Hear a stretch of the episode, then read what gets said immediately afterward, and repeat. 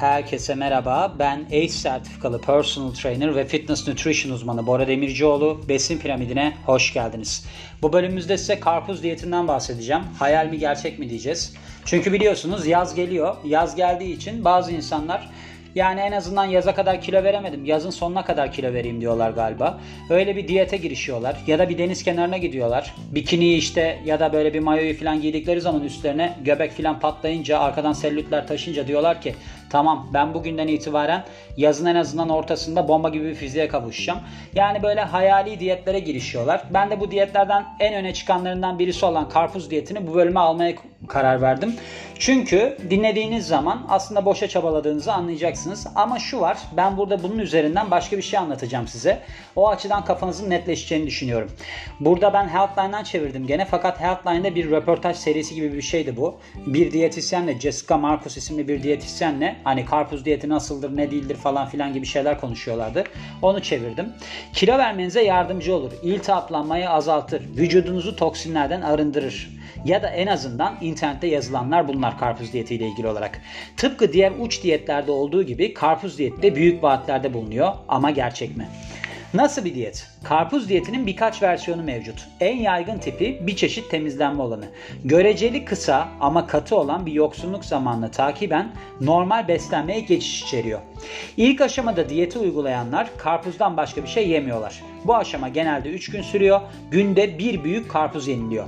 Sonrasında bazı kişiler normal beslenme tarzlarına geri dönüyorlar. Bazıları ise kademeli şekilde beslenmelerine diğer besinleri ekliyorlar. Örneğin bir versiyonda iki küçük hafif öğün tüketiliyor ve atıştırmalık olarak karpuz yeniliyor.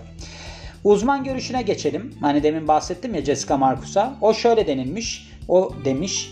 Bu diyetler kişilere çok çekici geliyor çünkü kısa süreli böyle bir bağlılık gerektiriyor. Yani uzun süreli bir yaşam tarzı değişimini içermiyor. Yaşam tarzı değişimini içeren diyetlerin aksine kısa zamanlı karpuz diyeti kişilere gerçekçi, ulaşılabilir hedefler koyuyor. Birkaç gün süren bir cezalandırma noktasında da herkes gönüllü olmaya meyilli. Karpuz diyetinin temelini oluşturması. Karpuz diyetin temelini oluşturuyor ki bu da ayrıca bir avantaj çünkü çoğu kişi karpuzu seviyor. Çoğu kişi için karpuz iyi. Besinsel faydalarına ek olarak iyi bir de su kaynağı.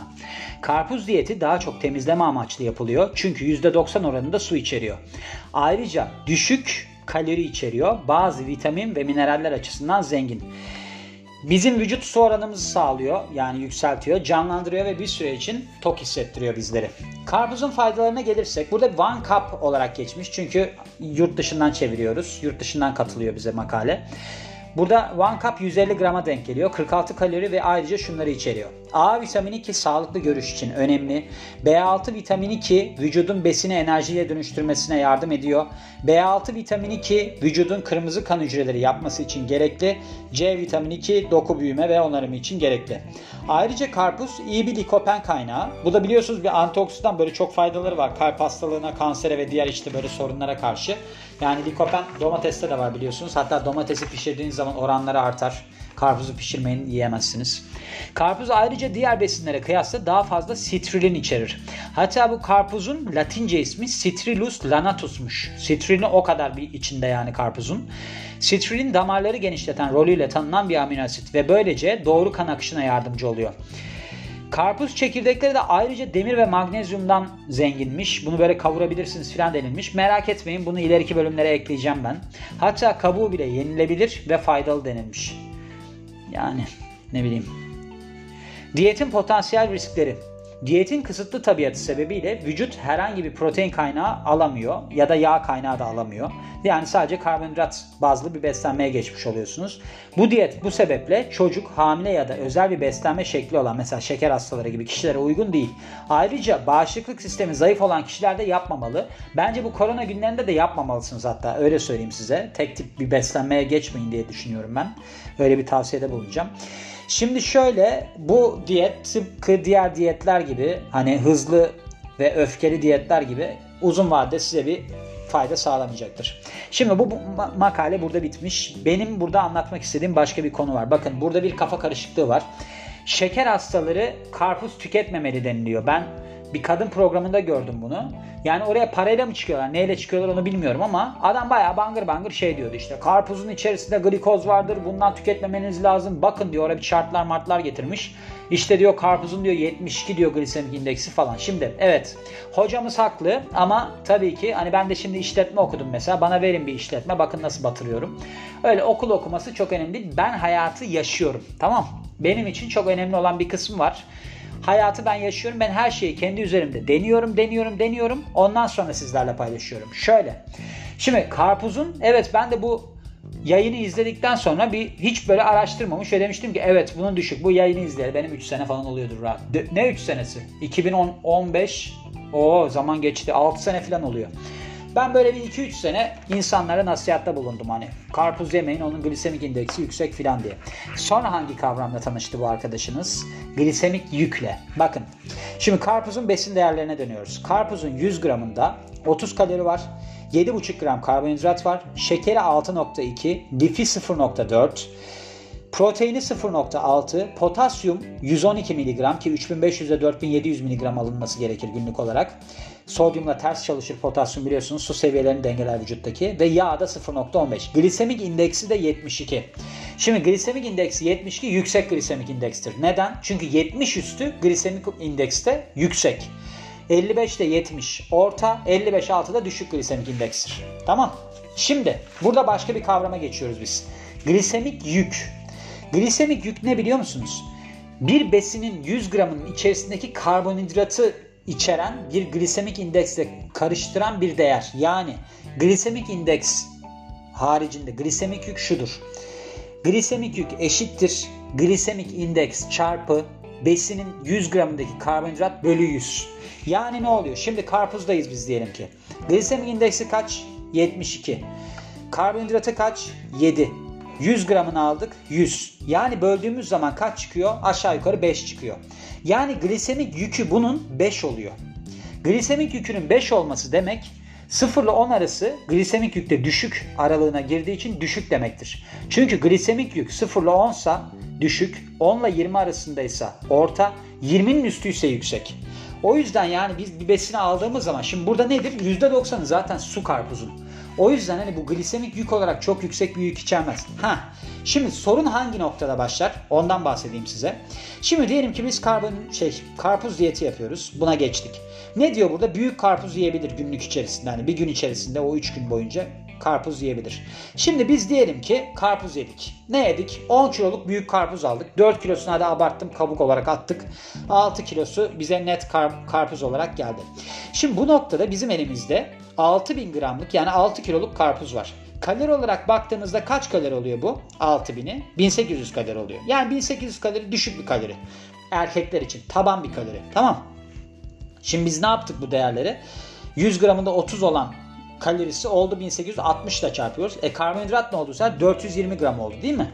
420 gramlık karbonhidrat aldık. İşte şekerini falan da fırlattık. 60 ile çıkardık. 360 gram da şeker oldu bunu zannedersem.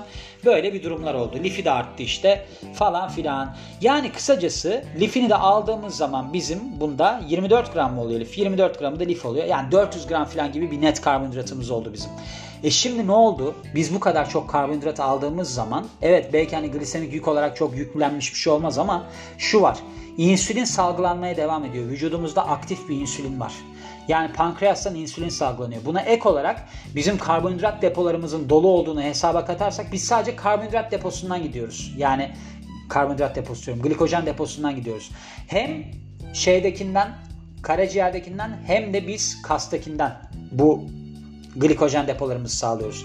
E bu sefer ne oldu? Biz sadece karbonhidrat aldık. Spor da yapmazsak, bu tarz bir şey yapmazsak gene aslına bakarsanız 3 gün çok düşük kalori alacağız. Tamam ama diğer beslenme şekline döndüğümüzde yine ekstradan kalorimizi almaya devam edeceğimiz için gene biz kilo alacağız muhtemelen. Neden biliyor musunuz? Tamam bu 3 gün içerisinde belki biz hadi karaciğerimizdeki, karaciğerimizdekini de yedik diyelim. Hani her şeyi yedik biz. Vücudumuzdaki bütün hepsini harcadık. Devamında biz başladığımızda normal beslenmeye zaten bizim muhtemelen glikojen depolarımız dolu olacak. Dolu olduğu için biz ek olarak bir şey aldığımızda ne olacak? Bu sefer bizim bunlar yağa dönüşecek. Çünkü depolarımız dolu. Biz yine hareketsiz bir insanız diyelim ki. E bu sefer ne olacak? İşte sonuç bu. Sonuç gene kilo almayla sonuçlanacak. Burada ne diyor? Uzun vadede etki etmez diyor. Yani bu kafadan kurtulmamız lazım. Bunu bir yaşam tarzı olarak belirlemek zorundasınız. Başka bir seçeneğiniz yok sizin. Size böyle bir mücadele şey, böyle bir fırsat hiçbir diyet sağlamaz. Yani beni 3 gün yapacaksın ben 20 kilo verdireceğim sana. Öyle bir şey yok. O sizin arınmanız için kendimi iyi hissediyorum falan filan. Ama ben biliyorum neden karpuz diyeti yaptığınızı. Birbirimize oynamayalım. Ben de geçmişte yaptım çünkü. Kilo vermek için yapıyorsunuz bunu. Böyle çok idrara çıkıyorsunuz. Bir şeyler oluyor. %90'ı suymuş. İşte zaten tadı da güzel filan. Aa ne güzelmiş filan diyorsunuz. O yüzden bakın mesela hatta şöyle bir şey söyleyeyim size. Benim bu Fat Secret'taki oranlara baktığım zaman 7 gram görünüyor karbonhidratı. Ama ben Healthline'dan baktığımda 5 gram diyordu karbonhidratı. E karpuzun olgunluğuna göre bilmem nesine göre şeker seviyeleri de artabilir. Hadi glisemik yükü falan geçtik. Hani bu vesileyle onu da öğrenmiş olun siz de. Mesela glisemik indeksten baktığımızda muz 50 küsürlerde oluyor. Yani ortalama bir glisemik indekste olan bir meyve ama glisemik yükte yüksektir muz. O yüzden karbonhidrat oranı yüksek çünkü suyu az. O açıdan ona da dikkat etmeniz açısından ben bu bölümü koydum size. Yani aklınızda bulunması gereken şey aslında karpuzla ilgili olarak diyet miyet değil de sitrulin. O sitrulin damarlarınızı genişletiyor. O kalp hastalığına falan yol açmaz yani. İyidir damarları genişlettiği için. O açıdan bir faydası vardır. Onun haricinde serinletir sizi tadı güzeldir ama şu yoktur hiçbir zaman. Yani bir diyet olacak da siz böyle acayip kilolar vereceksiniz. Hem sağlıklı olacaksınız hem mutlu olacaksınız. Her iyi şey sizin başınıza gelecek. Öyle bir dünya yok. Olsaydı ben o dünyada yaşardım emin olun. Bir kere her zaman için egzersiz yapmak zorundasınız. Spor yapmak zorundasınız. Spor demeyeceğim pardon onu çiziyorum. Egzersiz yapmak zorundasınız. Aktif bir hayat sürdürmek zorundasınız. Çünkü siz ne yaparsanız yapın sizin vücudunuz onu yakmazsa yine yağ olarak depolar. Kas olmazsa kalori yakma potansiyeliniz düşer diyorum ve bu bölümün de sonuna geliyorum. Beni dinlediğiniz için çok teşekkür ederim. Ben Bora Demircioğlu. Yeni bir bölümde görüşmek üzere. Hoşçakalın.